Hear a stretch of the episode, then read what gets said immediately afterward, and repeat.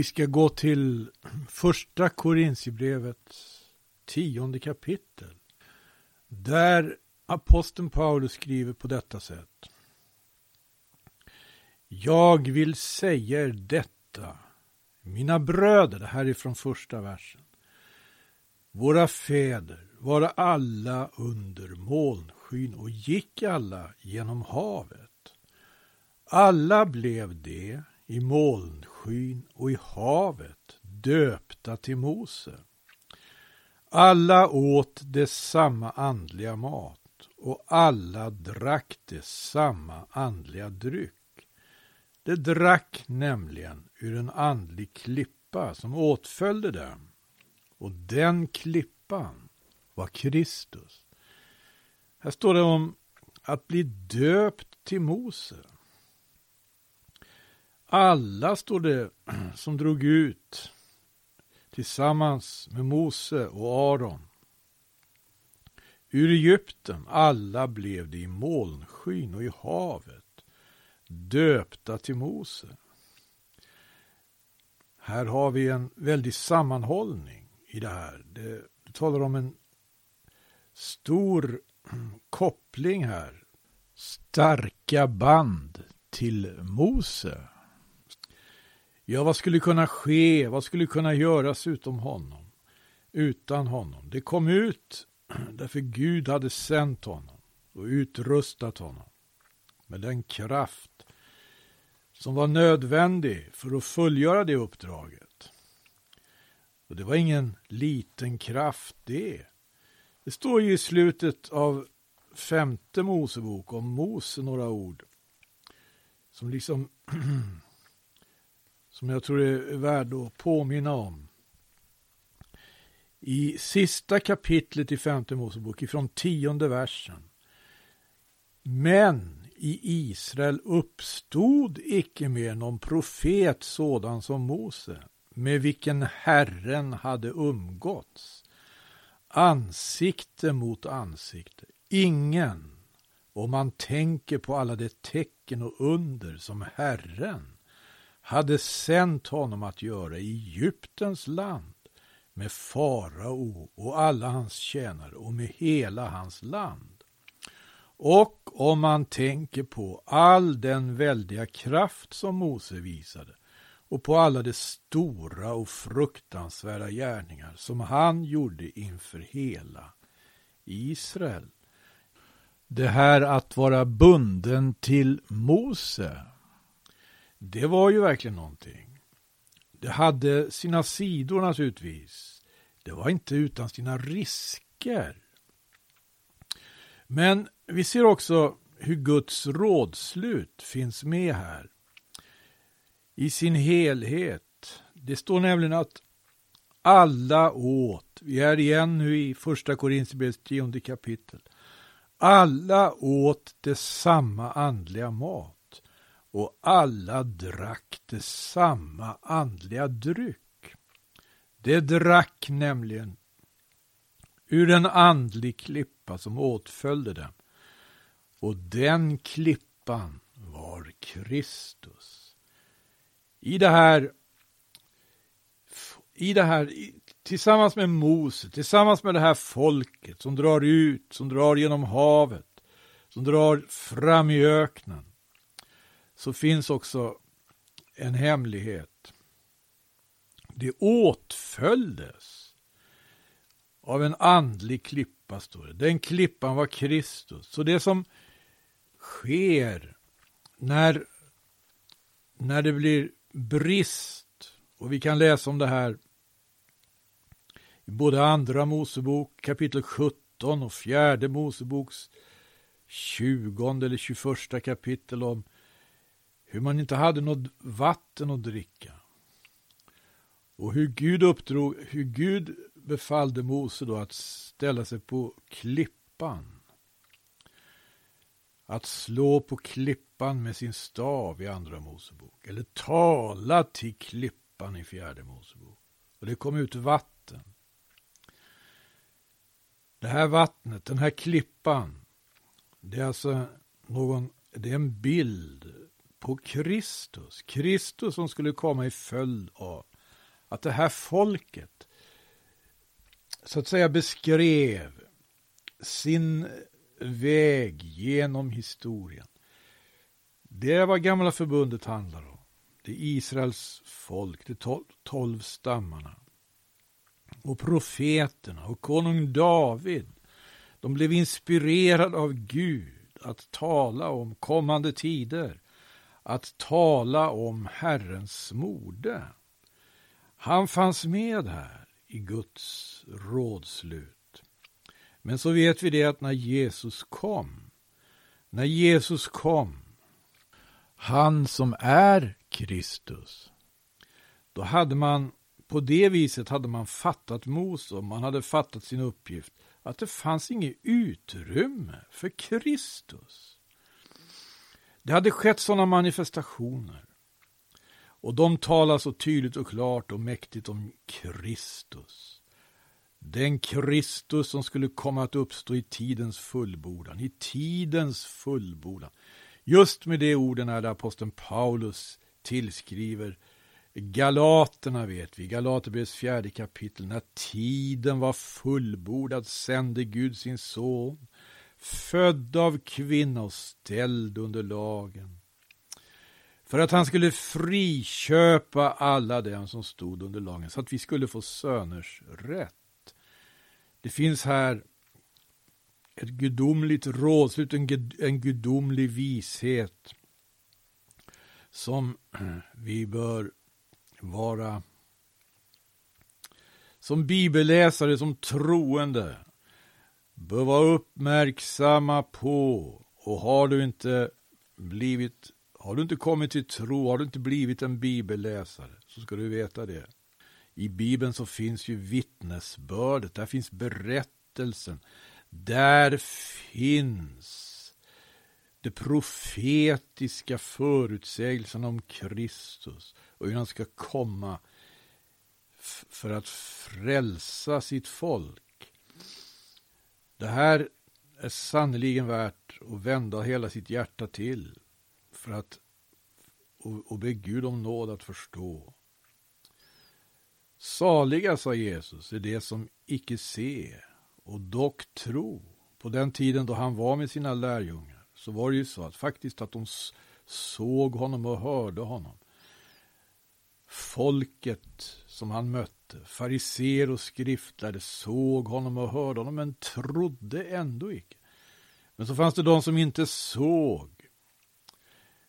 Men de trodde och de blev botade från sin förblindelse. Och vi som så att säga lever på distans i historien, vi kan komma till tro. Det här är så dyrbart. Komma till tro på Gud och har vi tro och är den bara som ett senapskorn så kan ni göra stora ting. Men Jesus fick ta itu med det här folket som hade så oerhört mycket från begynnelsen.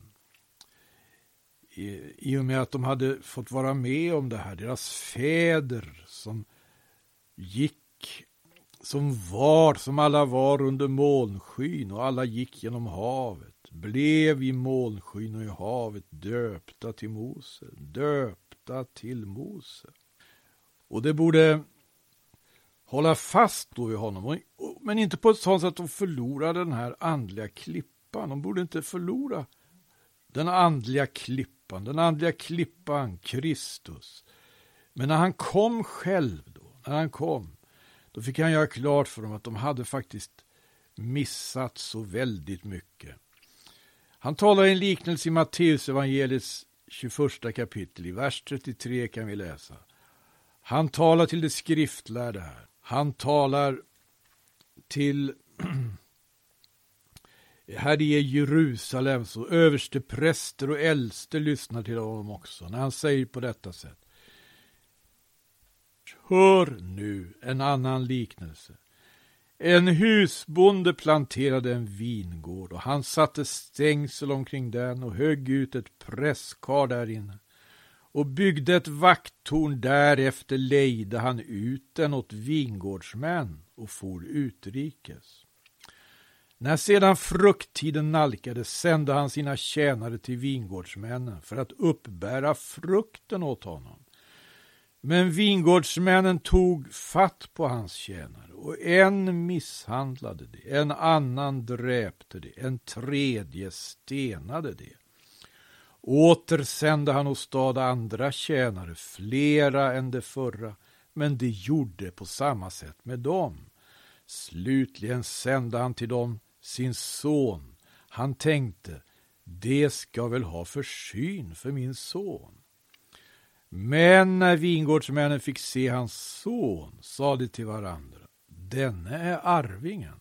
Kom, låt oss dräpa honom så får vi hans arv. Och de tog fatt på honom och förde honom ut ur vingården och dräpte honom. När nu vingårdens herre kommer, vad ska han då göra med de vingårdsmännen? Det svarar honom, eftersom de har gjort illa ska han göra illa mot dem och förgöra dem, och vingården ska han lämna åt andra vingårdsmän, som ger honom frukten när tiden därtill är inne. Jesus sa till dem, ja, har ni aldrig läst i skrifterna? Den sten som byggningsmännen förkastade, den har blivit en hörnsten. Av Herren har den blivit detta, och underbar är den i våra ögon. Här har vi inte klippan, men stenen, hörnstenen, som också talar om Kristus. Sten, stenen som byggningsmännen förkastade. Den stenen kom nu gående till dem på två ben, och det var de som var byggningsmännen. Judendomen på den tiden var alltså ett byggnadsverk. Det hade byggts under århundraden. Det hade byggts genom stora prövningar, genom fångenskap och nöd och krig. Men det hade byggts. Men det hade byggts på ett sådant sätt att hörnstenen hade förpassats ur byggnadsverket. Hörnstenen hade gått förlorad. Ja, den hade inte bara gått förlorad, den hade förkastats. Den sten som byggningsmännen förkastade, den har blivit en hörnsten. Det här är en vers i psalm 118. Det var alltså David som fick det här profetiskt att Kristus skulle bli förkastad. Kristus skulle bli förkastad.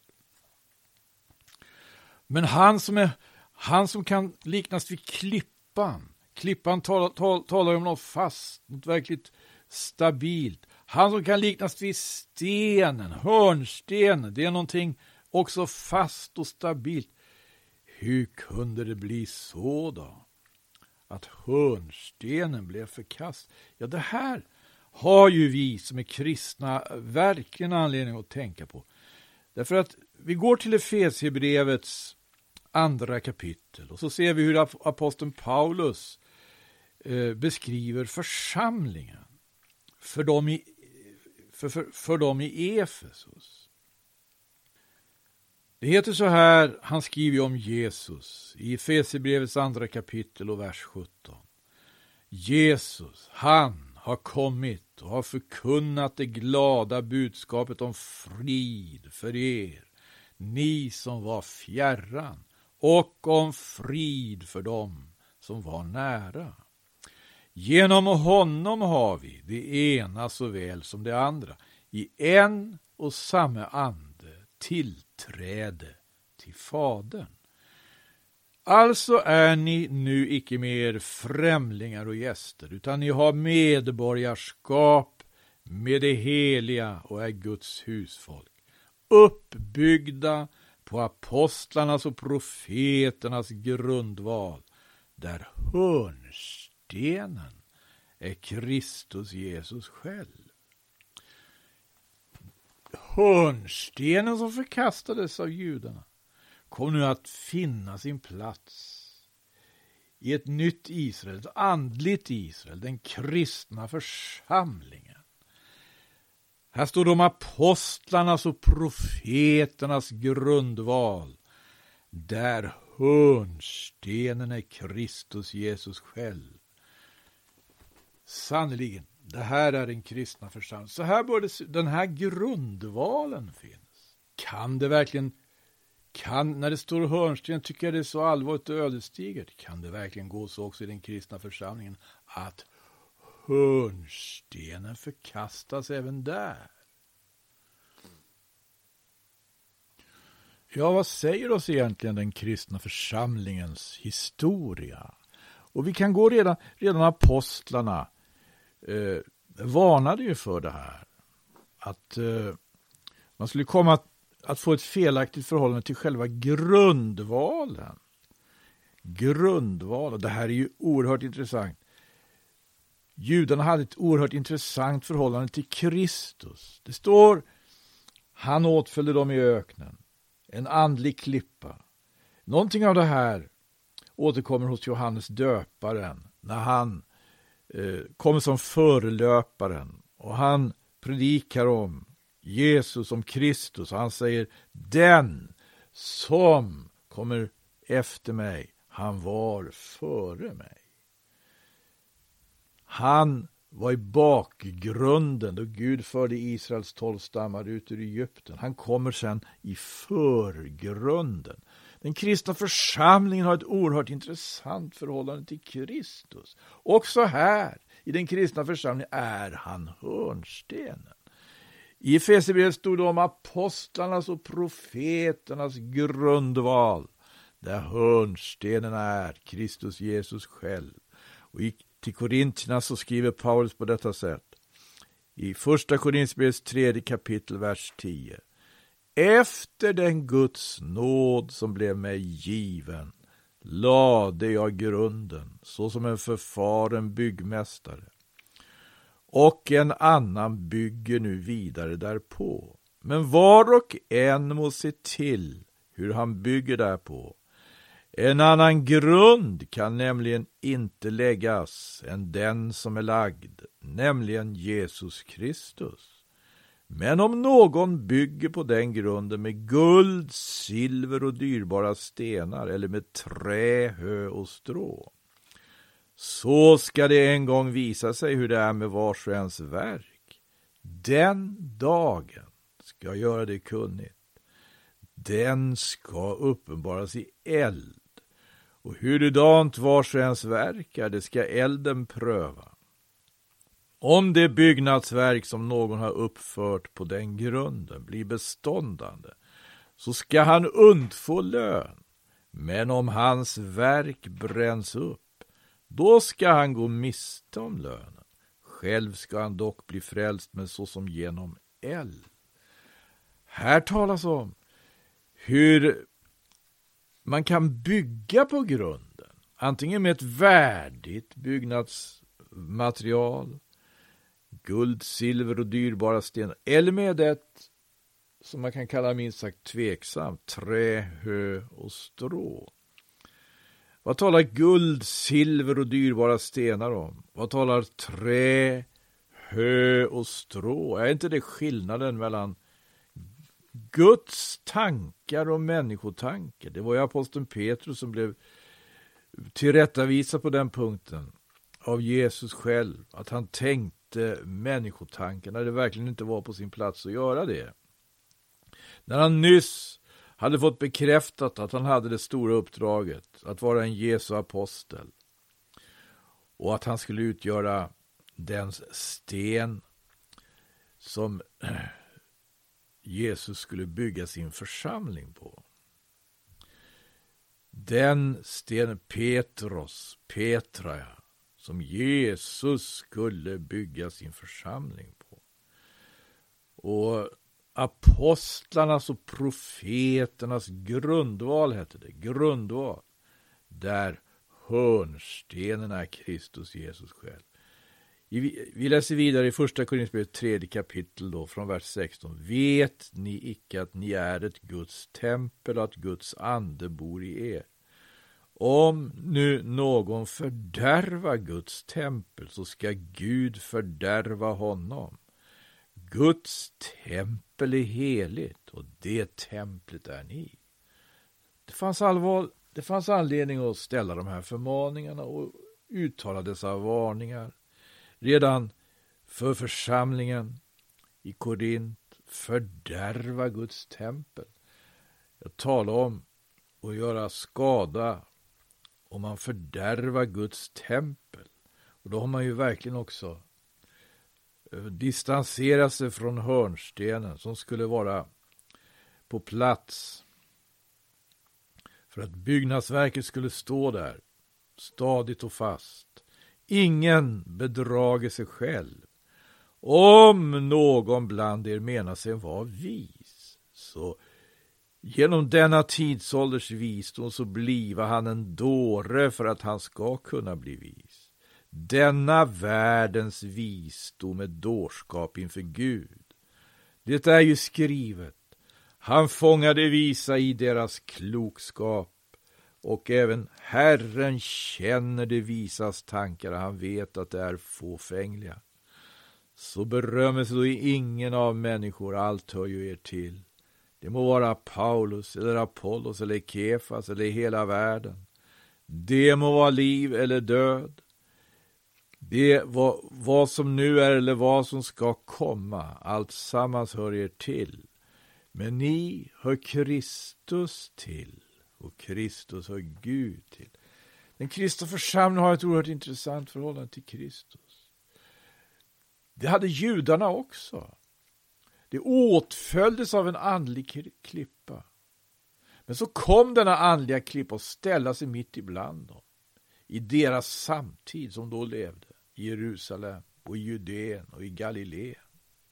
Och så fick de ett helt nytt förhållande. Det var de inte beredda på. De var inte beredda på det. Han var ju, han hörde historien till.